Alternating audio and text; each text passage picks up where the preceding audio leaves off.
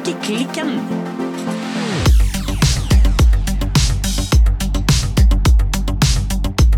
Hei, Birte.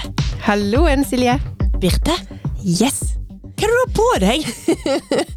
Ja, can you believe it? Do tell. ja, nei, du. Nå har jeg på meg eh, min strikkeklikkalong. Ja! Ja, og den er så nyferdig og nydampa at du vil ikke tro det engang. Nei, hvor mange minutter vil du anslå at eh, denne genseren er? Hvor, hvor, hvor gammel er denne genseren blitt? Nei, altså hvis jeg tenker at det tar sånn cirka ni minutter å kjøre fra Møhlenpris til Ytre Sandviken Ja. Denne genseren er kanskje 23 minutter gammel. det var rett på, rett ut. Du har rett og slett på deg et 23 minutter gammelt plagg. Ja, det var så lite igjen. Jeg hadde veldig lyst til å få den ferdig til innspillinga. Den er veldig fin, altså. Så at jeg kunne vise den til deg. Ja, den er, jeg må jo beskrive den her for lytterne, som jo faktisk ikke sitter og ser på deg. Nei? Du har altså på deg en uh, lys genser. Eh, altså Basegarnet er åpenbart veldig lyst. Enten helt hvitt eller off-white eller naturfarget uh, sauefarget. Ja, Hvit altså- norsk sau. Der er litt uh, blandings på denne base... Altså basegarnet også, da. Ja, Men så må vi jo beskrive alle de fargene som du da har gått inn med. Ja. Det er jo stort sett holdt i ganske pastellaktige farger. Vi er på lys rosa, lys blå, lys eh, Ser litt lys grønnaktig noen steder. Ja. Også noen få svarte streker også. Ja. Og litt mørkeblått.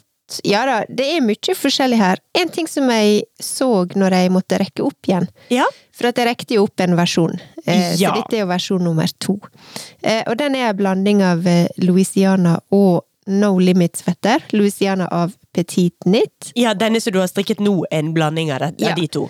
Også No Limit-svetter av eh, Lerkebagger. Men det som jeg så på den som jeg måtte rekke opp, for den var strikka nedenfra opp, eh, gadd ikke det. Nei. Rekte opp igjen, begynte ovenifra og ned. Ja, for det er den måten, den veien du mener at klær skal strikkes. Ja, det er i hvert fall den eh, veien jeg får til, eh, og som gir mening for meg. Ja. Men da så jeg at eh, jeg hadde hivd inn noen svarte striper, egentlig mest én plass på genseren. Mhm. Sånn at, eh, og det er faktisk blitt helt tilfeldig, men nå er disse svarte stripene blitt liksom litt fordelt eh, ganske sånn symmetrisk utover eh, strikketøyet, så jeg hadde litt mer flaks eh, med denne versjonen her. Mhm. Og det som var bra når jeg rekte opp igjen, eh, for at det er aldri så gale at ikke det var godt for noe, som de sier, Mhm. det var jo at da hadde jo jeg denne her restetråden klar. Restegarnnøstet Yes. var Så, ferdig, surret opp og Ja. klar til dyst. så jeg slapp å drive og styre med det. Det vil si, når jeg hadde kanskje Vi driver jo med sånn her prosentregning nå. Når jeg hadde sånn 12% igjen av eh, ermet i går. Ja. da måtte jeg begynne, da. Var jeg tom for den her Følgetroen. Følgetråden. ja, eh, restegarnet som, eh, som på en måte var ferdig nøsta, da. Mm. Så da måtte jeg begynne å liksom bare skyte inn. Litt sånn din teknikk. Ja. Ja. Bare strikk litt, skyt litt, strikk litt, skyt litt. ja. Men før jeg skulle begynne på eh, bråtet i dag, så fant jeg ett til neste. Så når jeg først løft litt eh, restegarn, så hva i alle dager skal jeg gjøre med liksom reste-restegarnet? Oh, du har Ja. et reste-rest Nei, det får jo bare være begynnelsen på neste strikkeklikkalong, det, da. Ja. Og så må jeg få lov til å si, nå var det veldig kjekt å være ferdig. Mhm. Jeg ga meg sjøl litt hastverk på slutten. Ser du at eh, halsen er litt skeiv? Mm, Nei, det Nei. kan jeg ikke se, altså. Jeg har sydd den ned, men den er ikke helt bein. Så vi får se om jeg lar det være eller ikke. Det er jo blitt en, altså, en fin Det vil jeg si, men også en ganske sånn rufsete genser. Ja, jeg syns Ja. ikke den der er veldig rufsete i forhold til mye annet jeg har sett. Jeg sitter jo her også i min eh, emneknagge Ja. strikkeklikkalong restegenser. Ja, Og jeg syns nå min er mer rufsete enn din. syns du det? Ja, det er kanskje ikke det. Kanskje det er noe når du ser på avstand. Jeg lurte litt på om jeg skulle gå inn på Altså inn med, med heklenål og hente, hente noen knuter her og der, men så håper jeg dampa i den, og da tenkte jeg at nå er det sikkert for seint. Så det, nå er det alt ute ute Ja. i det fri. Jeg mener at eh, altså, så lenge man ikke har laget store hull og den type ting, så ville jeg ikke ha gjort det. At det nærmest undergraver poenget med litt sånn eh, just tie nuts og lerkebaggerestetikk. Ja da, nå er den eh, litt sånn hardcore not, nottete. Kno, knottete. Knottete, eller knutete som vi Ja. sier eh, her i Bergen. Ja. Da må vi jo også si til lytterne våre som lurer på eh, hvordan dette her plagget egentlig ser ut. Vi skal selvfølgelig få tatt bilde av eh, Birte i denne genseren og få det lagt ut på selveste Instagrammen. ja, jeg føler meg insta-ready. Ah, fantastisk!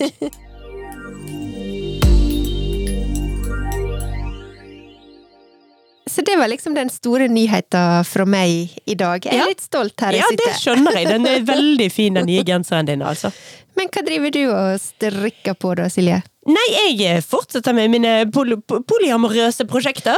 Jeg Ja. strikker både pledd fra Aftenstrikk og Rauma. Ja. Det, ja, det, det, det kommer Hva skal jeg si om det, da? Det strikkes noe i vei på det.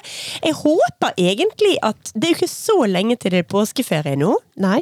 Jeg skal selvfølgelig ta med dette prosjektet til eh, fjells, as Ja. one does. Jeg er Ja. jo eh, en norsk nordmann med ski på, ski på beina, så da må vi til fjells. Og da er det jo deilig å sitte og strikke et eh, pledd.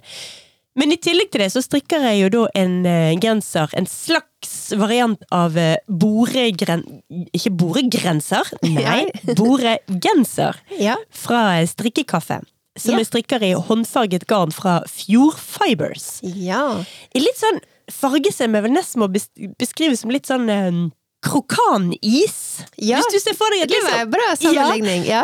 Fordi sånn, Det går inn med liksom mye spetter av krokanaktige bruntoner, men Ja. også små krokanfliker som er neongule noen Ja. steder, og noen få krokanklumper som er blå og rosa. Så Ja. Nei, men den er, den er veldig Den veldig fin, eh, både genseren og veldig fint strikketøy, Silje. Silje. Jeg var imponert over eh, Det så så utrolig flott og proft ut. ja, oh, skulle tro jeg drev en strikkepodkast, Ja. nesten. Eh, Og selvfølgelig veldig fint garn og, og farger. Men eh, det som jeg er egentlig mest interessert i, sånn Hvordan vil du si du ligger an sånn prosentvis? Og du ville ha dette kakediagrammet? Ja, ja. Mhm, mhm, mhm. Vi er, jeg er litt der for Du, du er litt på Ja. Nei, Ja. altså på, på um, pleddet så vil jeg si at jeg er kommet eh, ja, Hvis jeg tar prosent og ikke kakediagram, Ja, nei, det må være prosent, da. Ja. da vil jeg si at jeg er 54,7 prosent. ja, litt opp fra forrige uke. Litt opp fra forrige uke. Ja, Ja, ja. ja. da. Det, det, Da var du 47 eller noe sånt, ja, så så jeg. Kommet noen runder til. Jeg har Ja. jo lagt på en 10-15 centimeter på en uke, liksom. Ja. Og på boresweateren, som altså da strikkes ovenifra og ned, så er jeg nede på bolen nå. Brum, brum, brum. Oi! Ja, ja, ja, ja. Den skal jo egentlig strikkes med et enormt langt bråt. Så Ja. egentlig, hvis jeg skulle fulgt oppskriften, så skulle jeg nok ha begynt på bråt allerede. Ja. Jeg tror bråtet er nå må jeg gjette litt, altså. Sånn en type 25 cm eller noe sånt. Nesten som en sånn brystning. Som en kaffe nå? Er ikke det det heter? Sånn brystning. Du vet, eh, før på 90-tallet så hadde du sånn eh, eh, panel på veggene, så Å, gikk sånn halvt opp på veggen, og så var det Jeg tror det heter bryst... Ja, jeg vet, mener, jeg vet hva du mener, men jeg visste ikke at det er helt brystning. Men det tenkte jeg på når du Altså på dette høye bråtet. Ja. Litt sånn. Som en sånn litt som sånn panelvegg. 90-talls panelvegg, ja. Ja. Ja, men jeg skal ikke Men altså, skulle jeg ha fulgt oppskriften, så skulle jeg nok ha begynt på panelveggen nå. ja, sant? Men eh, det gjør jeg ikke, for jeg Nei. eh, Så nei. eh, Men det er et prosjekt som er veldig mm, surrer og går. Altså, det å strikke med håndfarget garn som Ja. er spettet Ja. for det, for det må jo sies at det finnes jo masse håndfarget garn som er ensfarget. Ja. Men her er jo da poenget disse krokanflekkene. Jeg har ikke noe bedre ord på det.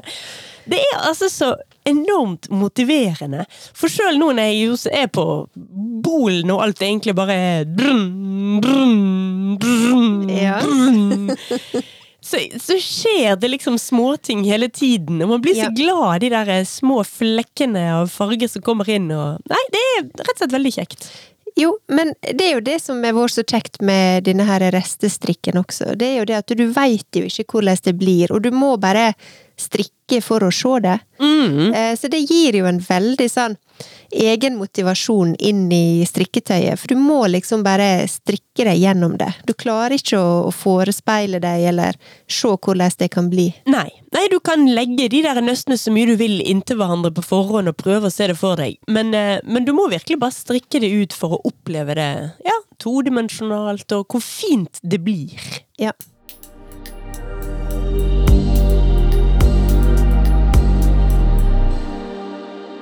Men Birte, Ja.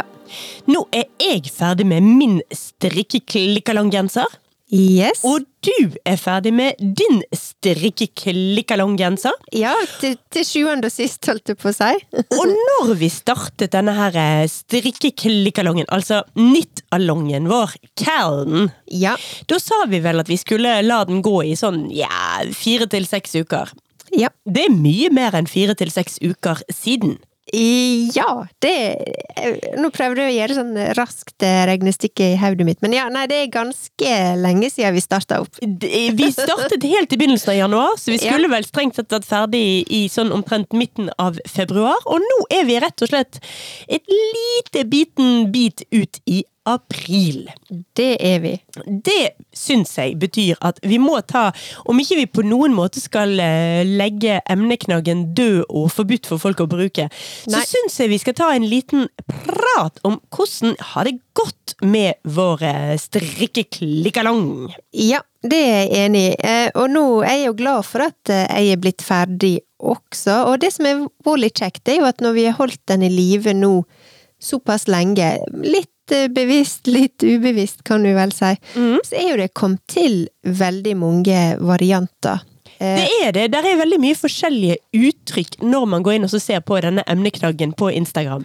Ja, og så ser vi også at eh, noen begynte jo, håper jeg, nesten før vi begynte. Noen satt ekstremt klar og var sånn Yes! Yep, og hadde ferdig omtrent første veka. Mm -hmm. mens andre ser jo vi har kommet til etter hvert, Mhm. og det er jo veldig kjekt å se.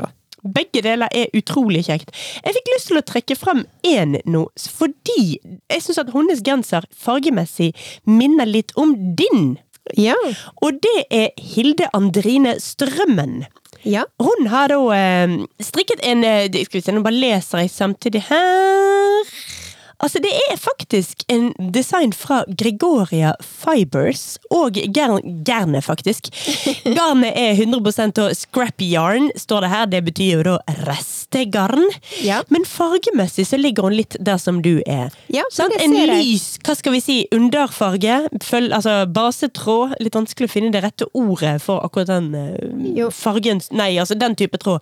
Nei, men den går jo i en litt sånn eh, beige, grå, rosa, hvit eh, Men jeg ser jo at eh, Hilde Andrine Strømmen sin versjon, den er uten knuter. Den er uten knuter, Og og, det den syns jeg er er, veldig imponerende. og den er betraktelig um, Altså, den er strikket med mye tynnere pinner enn din er, så den, er, Ja. den har et eh, pe, penere din er mer chunky og grovere, altså Ja. eh, Som i Ja. Det er utrolig vanskelig. forskjellige. De er litt forskjellige, Ja. men har likevel et slektskap. Og det syns jeg er veldig gøy. Absolutt. Det som er litt kjekt å se også på, hvis du går inn på denne her emneknaggen eh, strikkeklikkalong, det er jo at her ligger det kjoler, her ligger det gensere, her ligger det Votter. pledd, vest og bukse til og med. Den er ganske funky, altså. Ja. Og det ligger veldig mye forskjellig her, og jeg vil jo også si at noen av eh, disse strikketøya, det ser jo egentlig ikke ut som typiske resteprosjekt heller. Det ser eh, veldig eh, flotte og, håper å si, skikkelige ut. ikke, bare, ja, ikke bare sånn, eh, håper å si, kaos på farger og kaos på tråd, og, som gir dette her litt sånn særegne uttrykket, som vi jo er jo kjempefan av. Men Ja, ja, her er det alle mulige varianter, og det er utrolig kjekt å se. Mm. Altså sånn som Susekar har jo da valgt en helt annet uttrykk. Hun har eh, kjørt på med et mønsterstrikk, så der er sånn bord oppe, og borden er med ermene. Men altså, det er rett og slett eh, Altså, white chocolate er mønsteret, men Ja. det er utvilsomt rett og slett restegarn her også. Ja. Sånn at det er, det er akkurat som du sier, det er veldig mye forskjellig som er gått inn i en og samme emneknagg her. Og det er Ja. kjempegøy å se. Og nå scroller jeg rett og slett forbi her. Nå kommer jeg akkurat til din eh, første strikkeklikkalonggenser. Ja. Der den blir rekket opp. Ja, da. var det den jeg kom til. Det må vi. Men det som var litt kjekt eh, nå når jeg eh, fikk, jeg håper å si, raska denne her ferdig nå rett før innspilling, Ja.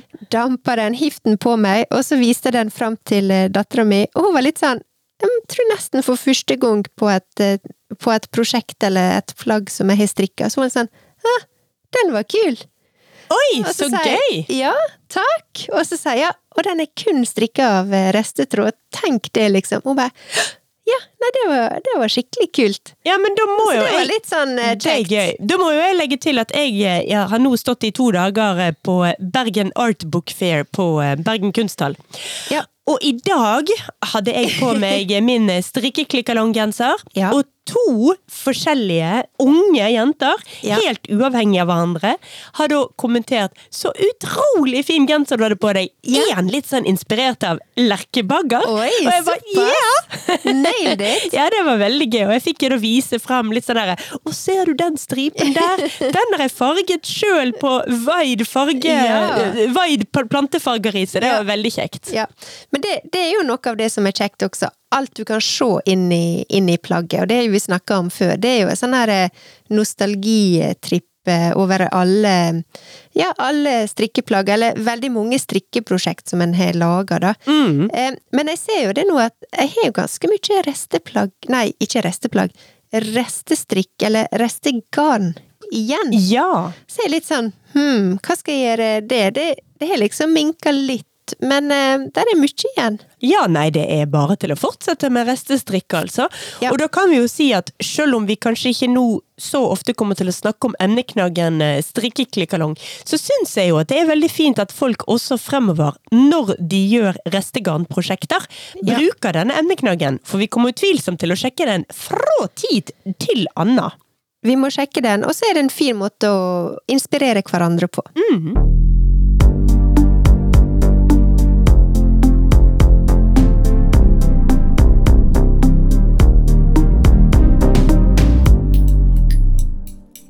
Men jeg må jo spørre deg, Birte. Nå når du Ja. altså er ferdig med emneknagg strikkeklikkalong-genseren din, Ja.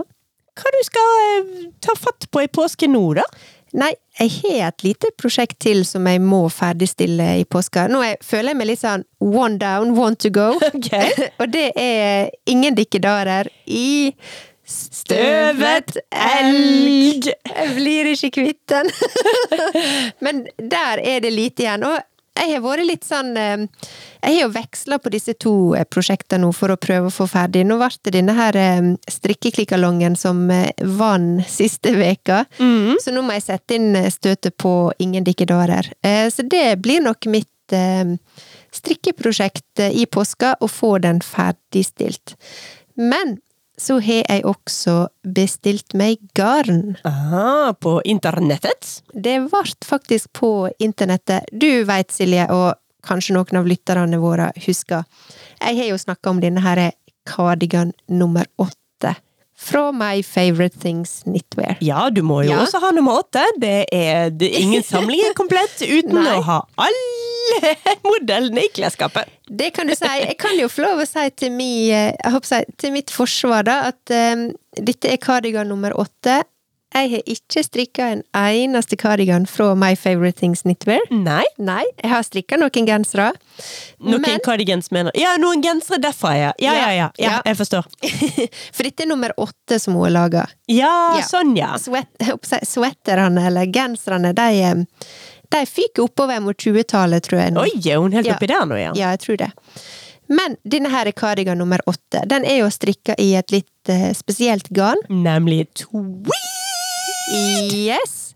Og det som var litt morsomt, det var jo at når denne oppskrifta ble eh, lansert, det var jo midt i denne her strikkeklikkalongen. Mm.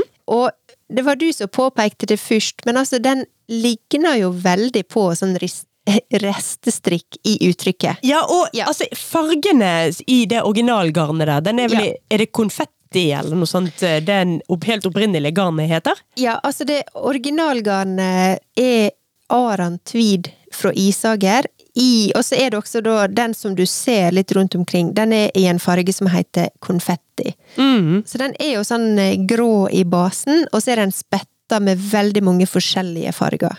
Og så er jo det en følgetråd, som er denne her eh, alpakka nummer én. Som er jo da en veldig sånn tynn og mjuk eh, følgetråd eh, til. Eh, som kan også minne litt om mohair. Jeg tror du kan bruke mohair også, hvis du vil. Ja, Vi må bare stoppe bitte grann opp og snakke om hva tweed-garn egentlig er for noe. Ja. For man har jo tweed som er et, eh, et stoff, et materiale. Ja. Man kjenner til tweed-skjørt og tweed-jakker og alt dette her. Og det er jo Ja. 100% ullklær som er vevd på en litt sånn spesiell måte. Men når vi snakker om tweed-garn, så er det da snakk om at man i garnet har eh, vevd inn eller flettet inn på en eller annen måte, festet inn, flekker, biter av annen farge. Ja. Og i ekte tweed-garn så skal disse flekkene som kommer inn, være Det skal være farget i en egen fargeprosess, og så flettes inn. Det er ikke som om du kan liksom ta tråden, ha den ensfarget, og så liksom spette litt hist og pist. Sånn som Nei. for eksempel det, det håndfargete garnet som jeg eh, strikker med nå. Det Ja. har jo masse sånne flekker. Dette her er kroganflekkene som jeg snakket om. Ja. Men det er likevel ikke tweed-garn, fordi flekkene er lagt på en allerede spunnet tråd. Ja. Hvis det skal være tweed-garn, så skal altså de flekkene være spunnet inn. Ja. Men det jeg skulle fram til, det var at uh, denne her Aran Tweed i konfetti, den har jo vært utsolgt overalt i hele vinter. Før oppskrifta ble, eh, ble lansert, Og hjelp meg, for det gikk det rykter om at eh, Aran Tweed konfetti skulle bli det, the hot shit. Ja, jeg tror ryktebørsen på Instagram gikk litt, gikk litt hot, rett og slett. Mm. Em, så den har jo vært umulig å få tak i, og jeg har jo kikka på noen andre alternativ. For det er nemlig to typer av denne her, hva skal jeg si, denne her spetta tråden, eller spetta garnet, som du kan bruke for å få uttrykket. Og det er jo denne nevnte Aran Tweed fra Isager. Mhm. Eller du kan bruke et garn som heter Ønling. Det heter hva for noe? Ønling 5. Ønling. Ønling 5. Og dette er jo et garn Jeg tror begge disse to har vært utsolgt, altså nå i månedsvis. Men så fikk jeg et tips fra en av lytterne våre om at det er en butikk som heter Lofotstrikk. Ja! Og de hadde Aran Tweed i konfetti Oh. fra Isager på lager. Den eh, forjette, den, den ettertraktede garntypen. Det ettertrakta garnet de hadde på lager, Mhm. Så jeg har fått bestilt, jeg har fått det levert, og det minner meg på at i dag, når jeg går herifra, så må jeg ha med meg sjartrusa chartrusa vår. Oh! Ja. Chartertrusen heter det! Ja. Du snakker, altså Chartertrusen vår, med andre ord garntvinden vår. Garnvinden, garntvinden. Garnvinden. Ja. Ja. Jeg trenger å, jeg håper jeg, spinne opp neste. nøstet. Ja, ja, ja, ja, Så det må jeg gjøre Du må i ha påska. chartertrusen. Yes. For her kommer jo selvfølgelig disse garnene her i bunter, og ikke i nøster. Og da har jo vi vår helt egen garnvinde med eget navn og alt, Ja. som vi har litt sånn på deling. Så du må ta med deg hjem og spinne, kanskje ikke spinne, surre opp til nøster. Ja, den må komme på en liten eh, påskeferie, tror jeg. til Ja. Så nå er jo det store spørsmålet da også om jeg klarer å la være å legge opp eh, maska til denne her eh, cardigan nummer åtte før jeg er ferdig med Ingen Å Ah, ja. For i dette her eh, veldig nøye kakediagram-systemet vårt, hvor mye vil du si du har igjen på din Ingen dikkedarer i støvet elg? Eh, Jeg vil si jeg har igjen cirka Altså, det er jo den ene erma nå, da. Men du har hele, et helt erme igjen? Nei. Nei. Nei. Jeg har cirka Ja, det er vanskelig å si. 23% igjen av siste erme. Ok, så to kopper kaffe og en lang natt. Ja, det spørs nå. Det skal ikke ta så lang tid, altså. Men jeg syns det er så gøy og spennende å legge opp til noe nytt. Det er veldig Det er liksom noe av det som jeg virkelig liker med strikking. Mm. Disse der første rundene, de er jo bare best. Men også litt sånn verst, alt etter hvordan du ser på det. For at du må jo liksom strikke litt før du ser hvor det blir, sant. Du ser hvordan garnet er, hvordan fargen, mønsteret, hvis det er det. Så det må nok en runde til, og det merker jeg at det, når jeg legger opp maska, så er jeg både veldig sånn forventningsfull, men også litt sånn utålmodig. Mm. Og så er det veldig kjekt å, å se hvordan det blir. Så ja, jeg elsker å begynne på noe nytt, men jeg har virkelig en plan om å strikke ferdig denne her Ingen dikkedarer. For jeg merker at jeg er ikke så glad i å ha mange ting liggende. Nei. Da blir jeg veldig sånn overvelda og overbemanna. Um, så jeg må bare Nei, jeg må bare få den ferdig. Jeg liker at du blir ikke overmannet, du blir overbemannet. Ja, jeg blir overbemanna! Du blir rett og slett litt overbemannet av strikkekurven din. Got it, got it. Ja. Men det er i hvert fall eh, strikkelista mi. Og så skal ikke du se vekk fra at eh, det blir ei lita sånn her hue, kanskje også som litt sånn påske, påskekos. All denne her restegarnet som jeg fortsatt har igjen. Mm. Eh, men nå begynner det å bli så Ja, ikke i dag, da. Nå er jo det kommet snø, og vi er i april. Men for noen uker siden så hadde jeg liksom Skulle jeg gjerne hatt, hatt med ei hue, altså. Mm. Ja, så vi får se.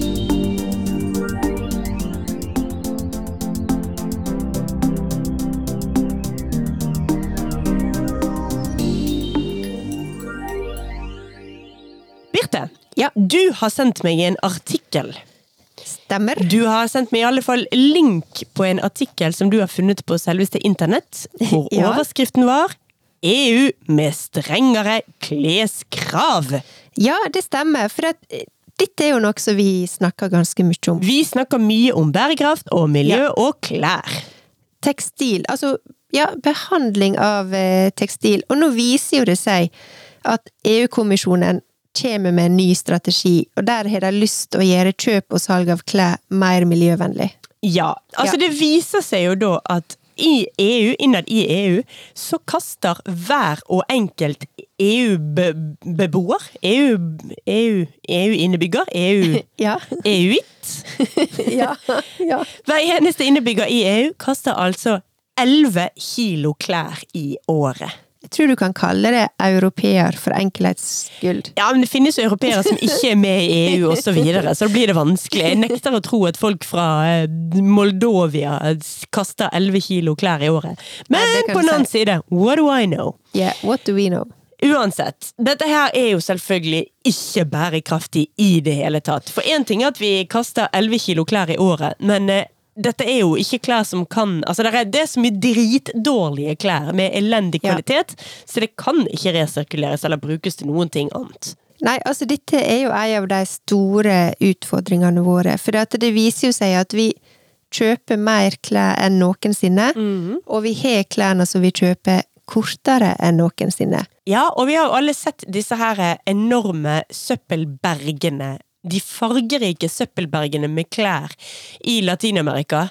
Ja. Hvor det er bare enorme fjell av tekstiler som ligger og Og det finnes ingen plan for det! De bare ligger der og Nei. ligger der, og vi vet ikke om vi skal brenne det, eller prøve å flise det opp og lage noe annet, eller noen ting annet. Det er rett og slett ingen plan for hva man skal gjøre med disse søppelbergene av klær. Nei, der er ingen plan. Og det som jeg syns er så trist, det er jo Dette la seg for eh, et års tid siden at eh, jeg tror det er mange Vi er alle syndere her, for å si det sånn. Og det, det er ikke noen på en måte gruppe av folk som nødvendigvis er bedre enn andre. Men det som jeg leste, det var at unge folk i dag, når de har brukt et plagg eh, veldig få ganger, kanskje sånn to-tre ganger, da er det liksom oppbrukt. Ja, det er jo bare Eh, og det er altså, så det- kort syklus at det, det, det skulle ikke vært lov. Nei, det skulle ikke vært lov, og nå ser det jo ut til at uh, EU er kommet litt grann på banen for å i hvert fall gjøre noen uh, endringer her, da. Blant annet så uh, Altså, noen av disse tiltakene som EU kommer inn på nå, det er at det kommer nye krav til økodesign. Ja. Da skal det altså settes minimumskrav for hvor mye resirkulert materiale et produkt skal inneholde. Ja. Dette her skal gjøre at tekstilet vil leve lenger, og de skal bli lettere å reparere og resirkulere. ja. I tillegg så snakker de om å ta altså, sterke grep i forhold til grønnvasking. Og grønnvasking, det er jo når du for eksempel kommuniserer veldig sterkt på at du er miljøvennlig, sier at du resirkulerer 2% av din totale produksjon, eller kanskje til og med to promille. Mm. Og så er det det du kjører fram i annonsene og i kommunikasjonen din. Altså, ja, det vi rett og slett kaller grønnvasking. For min del var det skrekkeksempelet som Hanne Vetland, når hun var her for noen uker siden. Da var jeg så glad og fornøyd over at jeg hadde kjøpt meg en tights i resirkulert plast, altså plast, Ja. eh, plastflasker. Ja. Og så forteller hun at det er jo tipp topp tommel opp hvis dette stemmer, men at hun hadde hørt sånne skrekkhistorier om grønnvasking, om at folk faktisk ender opp med å kjøpe ny plastikk, støpe det om til plastflasker, for så å støpe det om igjen, og så lage bukser av Ja. det, for så å påstå at de har resirkulert plastflasker. Ja. Altså bare drit, bare tull. Det er åh. Det, det som er dumt er nå når vi går inn i altså det her grønne skiftet, det er jo at eh, ja, altså Grønnvasking er jo nesten en forretningsmodell i seg sjøl. Det er det. Du lager de eh, på en måte grønne argument for å selge. Men eh, ja, vi skal ikke ta altfor god fisk. Nei, vi skal ikke det. En ting som jeg ser veldig fram til til disse her nye EU-reglene, det er at det skal komme et digitalt produktpass. Ja. Det betyr at da skal man på en enkel og grei måte som, eh, som forbruker da, Ja. kunne finne ut av eh, litt sånn elementær bærekraftsinformasjon om produkter man kjøper. Ja. Jeg håper jo at det skal komme på en eller annen måte en slags strekkode eller QR-kode eller et eller annet, sånn at man litt sånn på en enkel måte kan finne ut om dette produktet man står med i hånden og lurer fælt på i butikken, er dette ekte miljøvennlig, eller i hvert fall mindre skadelig, eller er dette et grønnvasket tulleprodukt, eller er dette faktisk versting-verstingen? Ja. Altså, jeg tror uansett, mer informasjon, det trenger vi. For det er noe med at hvis du veit på en måte den reisa som plagget ditt har hatt, så er du i stand til å ta mye bedre valg. Og dette er jo noe av det som jeg tenker et sånt digital produktpass eh, skal bidra til. Mm. Altså et sånt pass kan jo inneholde så mye forskjellig informasjon. For eksempel hvis dette er et eh, 100% naturmaterialbasert produkt, så Ja. vet du at når du er ferdig med dette produktet, når det er utslitt, så kan du faktisk trygt kaste det i komposten. Ja. Hvis det er 100% ull, for eksempel, da vet Ja. du at det er ikke ille å slippe ut i naturen. Det vil brytes ned og bli borte. Ja. Videre så skal det selvfølgelig komme tiltak mot eh, mikroplast. Ja. Både i produksjonsprosessen, i forvask står det her, merking, og selvfølgelig målet er jo å minimere mikroplast i tekstil. Mm. Ja. Og så skal de også gjøre en ting som jeg også har tro på, nemlig forbud mot ødeleggelse. Altså, Ja. Under visse betingelser, står det jo her, så det er litt sånn mm, Hva betyr egentlig det? Under... Ja, så står det 'vurderer EU'. Ja. Ja. Men det er en start. Det er en start, men altså, under visse betingelser vurderer EU å forby ødeleggelse av usolgte tekstilvarer. Ja. For det er jo faktisk forferdelige mengder med tekstilvarer som blir laget, og som eh, enten ikke engang når ut til butikkene, eller når ut til butikkene, blir ikke solgt, går etter utrolig kort tid, så Ja. går det som gårsdagens mote, og så går det rett på fyllingen. Ja. Helt uten plan, og ikke noe inn i noe sirkulær økonomi. Ingen plan for det i det hele tatt. Nei. Og det er jo selvfølgelig elendig for alle. Det er det. I tillegg så skal det komme økt støtte til forskning, innovasjon og investering, sånn at de som eh, jobber med dette her, kan utvikle bransjer for å bli mer klima- og miljøvennlig. En ting som denne her kommisjonen eh, til EU da har sett på også, det er at de som produserer tekstilene, de må ta et større ansvar for varene.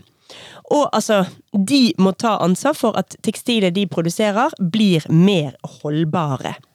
Men det er jo noen av disse målsetningene er litt hårete. Litt, eh, Ja. Det er litt sånn Ja, vi vurderer å gå inn for å mi, mi, mi, mi, mi. Det er ganske løse greier.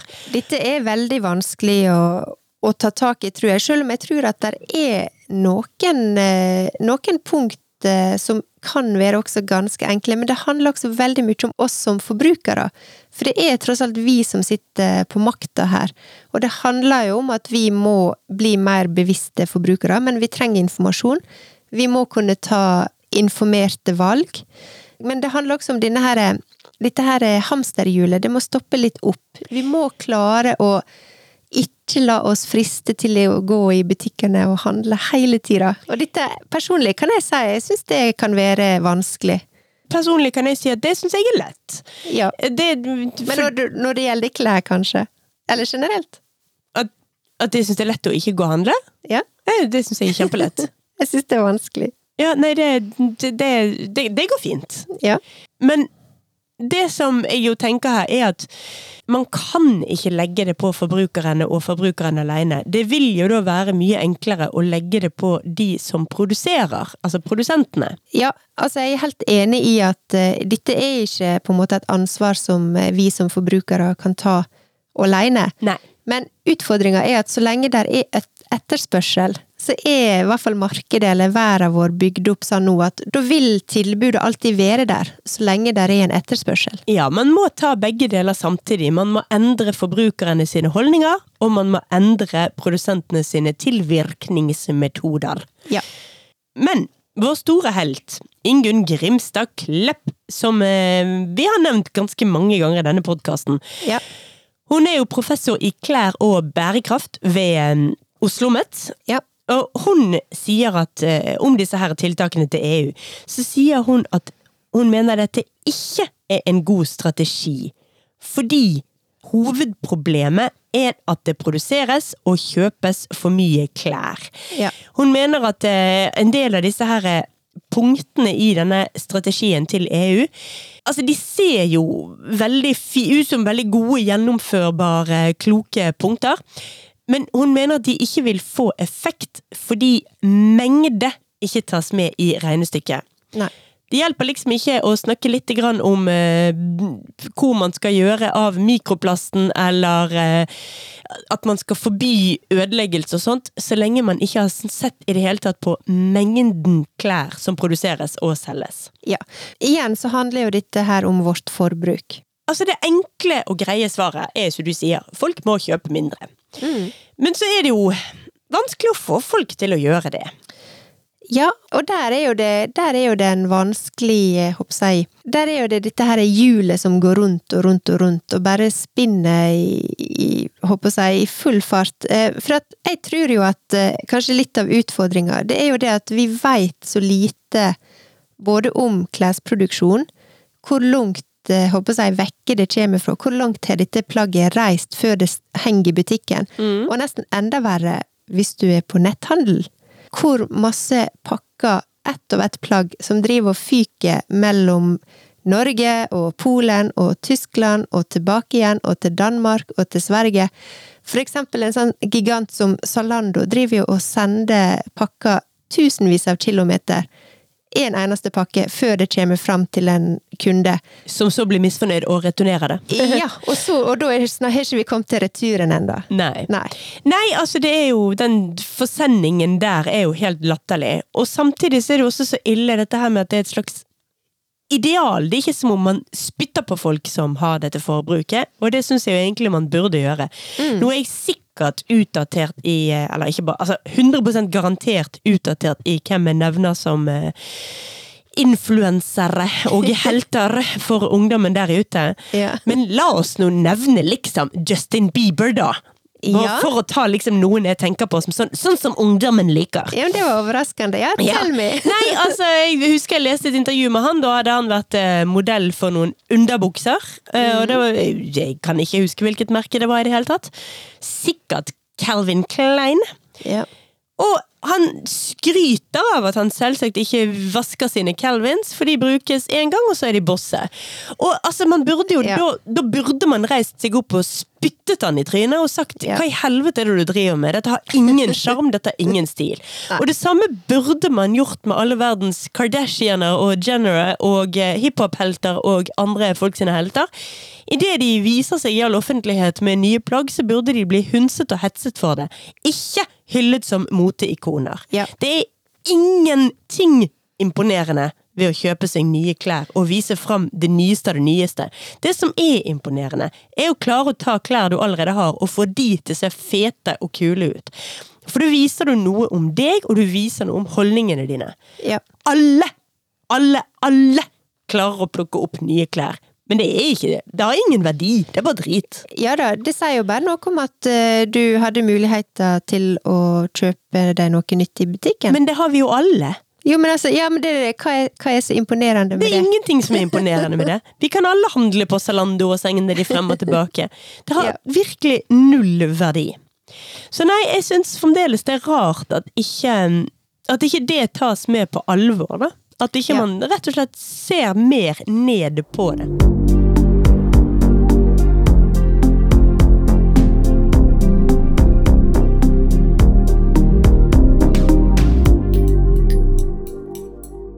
Stor utfordring her er jo det som vi snakker om når vi snakker om eh, Y2K fashion. For det som skjedde da på begynnelsen av 2000-tallet, det var jo at da fikk jo vi den her ultrafast fashion-industrien klær. Ja. Du skulle ha deg en ny partytopp hver fredag, mm. og det var billig, det var dårlig kvalitet, du kjøpte, brukte, kasta. Mm. eh, holdt på å si Topshop og Hennes og Maurits og alle disse her Primark og alle disse her blomstra, og de gjorde stor business på, på dette forbruket, da. Mm. Og det er klart at eh, det er jo ikke bærekraftig. Jeg skulle faktisk av og til Av og til når jeg kler på meg eh, så blir jeg faktisk ganske stolt. For altså, jeg er veldig interessert i klær, og jeg har alltid vært det. Mm. Eh, Jeg kjenner litt på denne her nye muskelen ganske ofte når det gjelder klær. Altså det her at jeg syns det jeg syns det er kjekt med nye ting. Nye muskler. Nye muskler. Er, det et ord? Nei, sikkert ikke. Nei, men altså, at jeg kan kjenne at det rykker litt, liksom, når jeg ser nye ting, eller Jeg er veldig interessert i det. Men samtidig, når jeg ser på hva jeg faktisk går med hver dag, så skulle jeg ønske at noen stopper meg på gata og bare sånn Birte, hva er det du har på deg i dag, kan du fortelle meg? Ja, nå skal du høre. Ja. Fordi at i dag, eh, den jakka som jeg har på meg i dag, den er faktisk tolv år gammel, og den ser fortsatt kjempefin ut, og jeg liker den. Jeg bruker den nesten hver dag. Og buksa som jeg har på meg, ja, den er faktisk sju år gammel. Jeg får den fortsatt på meg. Det er en av de som ikke har blitt for små, men jeg klarer å bruke den. Den er ikke utslitt, og jeg kan gå med den. Og denne genseren som jeg har på meg, den har jeg faktisk eh, hatt nå i seks og et halvt år, og den er like fin, og jeg liker godt å gå med den. Altså, dette er faktisk eh, min hverdag. Ikke, ikke alltid, men ganske ofte. Mm. Og av og til så må jeg ta en liten sånn regning, håper jeg, oppsummering for meg sjøl. Bare sånn Wow, nå har jeg på meg masse gamle klær, Mm. og det føles dritbra. Mm. Men så er det ikke selvfølgelig alle dager som er sann. Men ja, nå fikk jeg skryte litt likevel, da, her i Men jeg måtte, følte jeg måtte bare si det, for at som sagt, jeg kjenner meg også veldig menneskelig på dette der. For at jeg er glad i klær, jeg er glad i mote, og Men jeg er også veldig interessert i det her tidløse stilen mm. og kvaliteten. Finn det du liker, og så kan du faktisk bare bruke det til det er utslitt.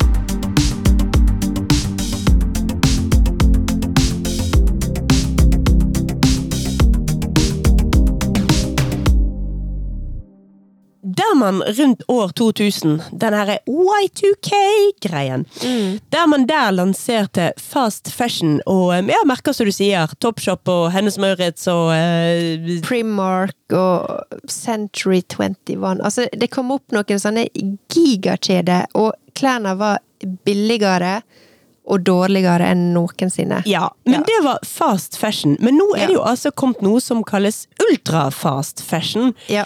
Og en av de store synderne her Altså, Jeg får liksom litt lyst til å nevne dem for å shame dem, og samtidig har jeg ikke lyst til å nevne dem, for jeg har ikke lyst til å gi dem et halvt tøddel med reklame en gang. Bare ikke nevn det. Så jeg, jeg må likevel nevne dem, men la meg da liksom La det gjøre det helt tydelig at jeg spytter både før og etter jeg sier dette ordet her. Og det er da Shein, S-H-E-I-N, som yep. går som ultrafast fashion. Altså, de lanserer altså så mye som 1000 nye plagg hver eneste dag året rundt. Ja. Eh, Og dette her er jo selvfølgelig det et kinesisk merke. Kvaliteten er drit. Det er plastikklær. Ja. Det er Det er fra andre sida av jorda, får det sendt i posten. Ja, og sendt videre derfra direkte til fyllingen i Latin-Amerika. Ja. Dette er virkelig ikke holdbart. Og det er jo noe av dette dette Ingunn Grimstad Klepp også snakker om når hun fullstendig kritiserer eh, disse tiltakene som EU nå ønsker å innføre. Det er Ja. dette, det er jo dette man må ta tak i. Det hjelper liksom ikke å ta disse her eh, klærne i ultrafast fashion og putte på et digitalt produktpass. Med mindre det står på det passet 'dette er drit, ikke kjøp det'. Det er jo selvfølgelig bedre enn ingenting å ha et digitalt produktpass, men det er likevel for lite. Og der er jeg rett og slett bare ekstremt enig med Ingunn Grimstad Klepp. Denne gangen også. Ja, Jeg syns hun eh, framstår som en utrolig bra dame. At poenget her er jo at man må produsere mindre, og man må kjøpe mindre, og det er den eneste farbare veien ut av det. Selvfølgelig, det som skal produseres, må også produseres med mindre plast og med mer resirkulerte materialer. Men hovedgreien må være produsere mindre. Men det som også, som jeg hadde lyst til å bare nevne helt på slutten her nå, det er jo det at det er også så veldig mange omvendte eller liksom paradoksale regler når det gjelder eh, hvordan vi kan være bærekraftig, for eksempel. Mm. Jeg tror fortsatt Altså, du må Du betaler moms på brukt, brukte ting, og da snakker ikke jeg bare om klær, men sykler eller hva det nå skal være, så må du betale moms på det. Eh, Og det burde jo være helt unødvendig, for momsen er jo allerede betalt én gang på alle disse produktene. Hjelpe meg, dette visste jeg ikke. Betaler man moms på brukte ting? De som selger brukte ting, må legge på moms. I did not know Ja. this. Så det er jo en sånn åpenbar eh, but why. Ja, det er jo latterlig. Selvfølgelig Ja. skal ikke de måtte betale moms på second hand-marked. Nei. Eh, men sånn er det i dag. Og der er, der er veldig mange sånne hva skal jeg si, litt sånn Mickey Mouse-regler for de som har lyst å prøve å, å tilby noe annet. Og så tenker jeg også litt sånn Jeg vet ikke om jeg nevnte det, men når jeg var i Paris i november, så eh, var det et bitte lite sånn mikrokjøpesenter som lå rett ved siden av hotellet der. Det var egentlig bare sånn du bare gikk gjennom det fra liksom gjennom kvartalet, på en måte. Ja. Men på det lille kjøpesenteret, der var det et apotek, et parfymeri, en baker, en stor matbutikk, eh, og litt sånne type butikker, sånn nabolagsbutikker med alt du trenger, blomsterbutikk og sånn.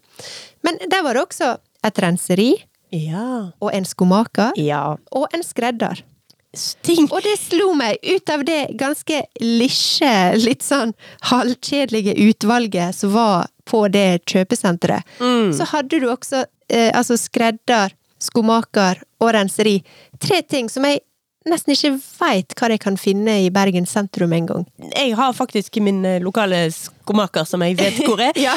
Eh, Jeg brukte den ikke så, jeg brukte den et par ganger til sko. eh, Jeg brukte den et par ganger til vesker, faktisk. Ja, ja. Gå inn der og få slått i sånn ekstra gode nagler når eh, når, eh, hva heter det, reimen på eh, veskene begynner å bli sliten. Ja.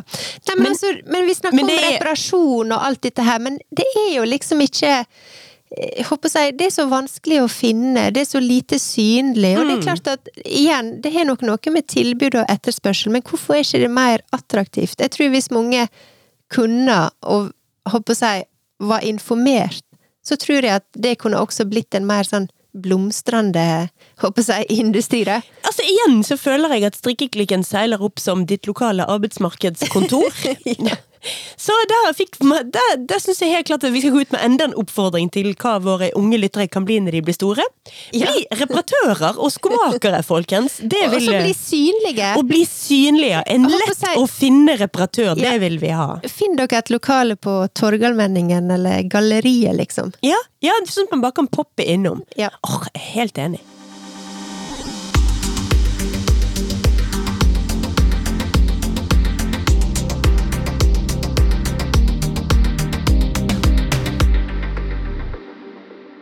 I dag er vi også så heldige at vi har rett og slett en giveaway. Ja! Ja. En påskegiveaway, for nå er det snart eh, Nå er det snart på tide med påsketing. Da må vi jo faktisk også skyte inn at vi har ikke sending neste uke. Nei. Vi tar oss ordentlig påskeferie neste onsdag. Vi kommer ikke med noen episode da. Dette er den store påskeepisoden vår, og da må vi selvfølgelig ha påskegiveaway. Det har vi. Og denne gangen så kan du da vinne væske fra bergensbaserte UND, UND, som da er et merke som starta i 2016. og som lager funksjonelle kvalitetsprodukt med god design og autentiske historier. Gjerne inspirert av norsk livsstil, natur og kultur. Og vi er vår så heldige at vi har fått tre væsker som vi skal få lov å gi vekk. Så jeg vil bare oppfordre alle til å følge med på Instagram. Og så eh, håper jeg you know the drill. Og så håper jeg at eh, vi får noen eh, heldige vinnere. Så må vi også si at nå er mars ferdig. Ja. Vi lovet når mars startet at alle pengene vi fikk inn via Patrion-siden vår i hele mars, skal gå uavkortet til Flyktninghjelpen. Det stemmer. Vi har nå hentet ut pengene og overført de til, eh, til Flyktninghjelpen. Fra nå av så er vi fremdeles ekstremt glad i patrionene våre, men nå Ja. går eh, pengene som kommer inn der til eh, ordinær drift av strikkeklikken. Det stemmer. Og så vil jeg bare si til slutt at hvis du har lyst å hjelpe Flyktninghjelpen videre, og ikke gjennom eh, Altså direkte, ikke gjennom strikkeklikken eller Patrion, mm -hmm. så kan du vippse direkte til Flyktninghjelpen på nummer 2142. Ja, Flyktninghjelpen gjør jo utrolig mye bra arbeid, og er kanskje ekstra viktig i våre dager nå med krigen i Ukraina.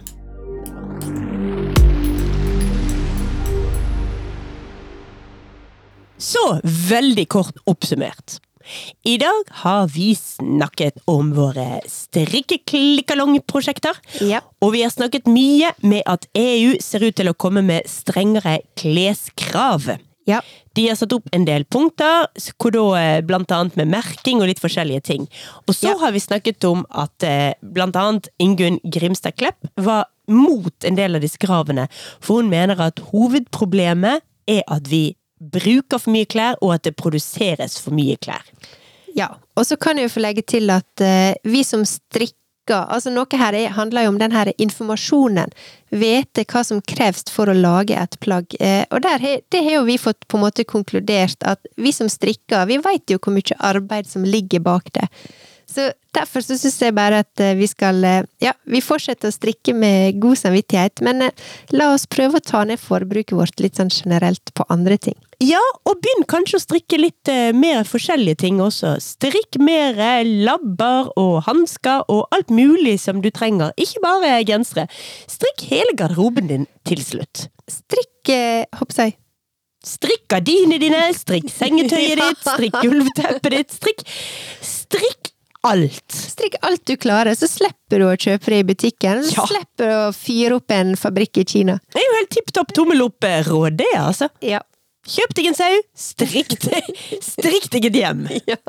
Og med det fenomenale rådet der, så tror jeg rett og slett vi blir pent nødt til å avslutte i dag, Birte. Vi må ta påskeferie. Det er rett og slett det vi er nødt til.